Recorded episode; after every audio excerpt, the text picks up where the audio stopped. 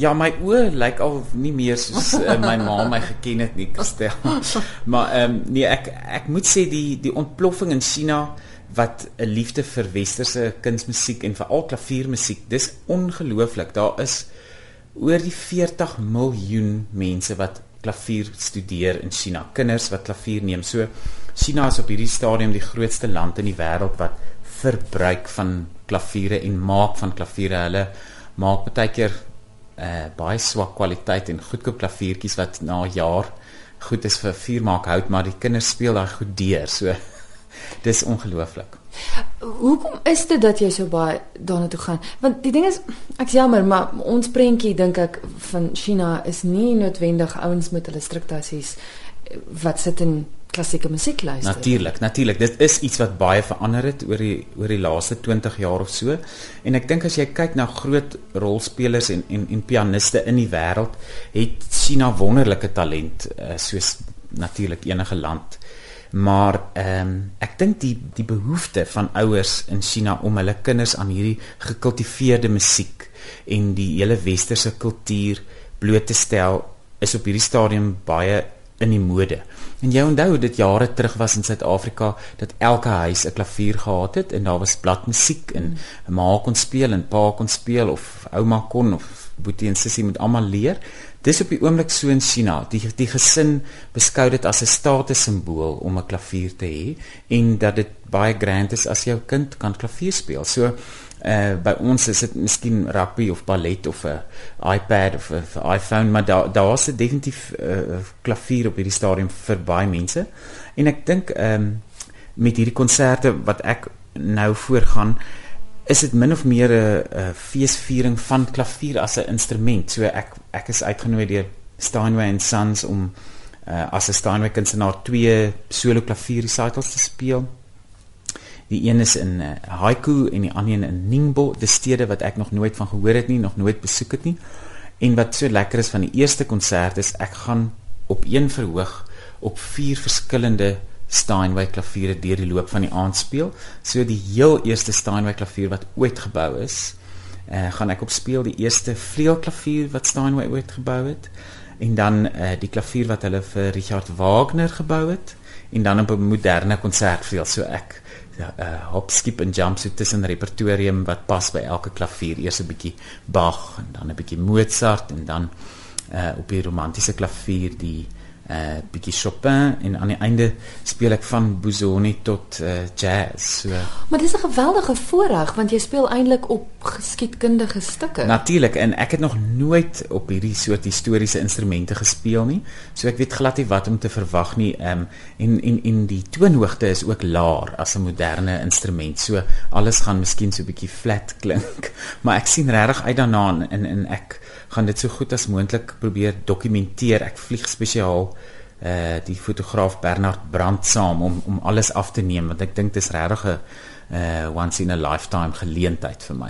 Hoe oud is daai oudste klavier? Die eerste een wat gemaak is. Dit moet 152 jaar oud wees as ek reg is. So En hy speel nog. Hy speel nog. So natuurlik is is die is die binnekant daarvan uh seker spiksplinter nie oorgedoen soos wat mense ou karre ja. restoreer ja. of so, maar die maar die die die instrument self is is die oorspronklike een. So dit is vir my 'n uh regtig 'n lip lek lekker ondervinding. Maar ja, want jy kom daar aan en dis die eerste keer wat jy op dit speel en ek weet ons het 'n vorige keer gesels oor elke klavier klink anders. Presies. So, Presies. En en wat vir my lekker sal wees is ek is uh dan nou die grootste Steinway fan in die wêreld volgens myself. en net om te kan sien waar kom hierdie klaviere vandaan en hoe was dit en wat was anders of wat is dieselfde dalk jy weet deur al die jare. Ja. En dan die tweede konsert? Die tweede konsert is net 'n gewone uh klavieruitvoering, so dis net ek op 'n moderne uh Steinway en daai klavier is interessant, dis die eerste keer wat wat Steinway 'n uh, kunstenaar inbring wat die eerste helfte klassieke musiek speel en die tweede helfte jazz. So dis dis 'n uh, vir hulle 'n uh, uh, yin en yang tipe konsert wat wat die meeste pianiste kan natuurlik nie dit doen nie. Hulle speel of die een of die ander.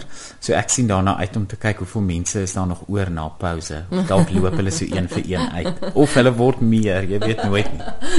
Ons gaan nou praat oor die gehore in China want dis baie interessant. Maar die ontploffing en die feit dat daar's daai geweldige belangstelling is in klavier. Dink jy dink jy het aan my genoem vir baie lank het hulle nie geluister na klassieke musiek ja, nie. Dit was dit was verbode so so uh met die ek dink die die mees intense periode van kommunisme was hierdie westerse musiek en gebruike uh definitief iets wat uh, hulle ten sterkste verbied het en jy weet soos enige ouer weet is hoe meer jy vir jou kind sê nee jy mag nie hoe meer wil hulle so ek dink dis 'n natuurlike uh, uh soort van swaai van die pendulum nou dat mense hierdie hongerte en hierdie begeerte het om om dit wat hulle vir so lank ontneem is te te ontdek.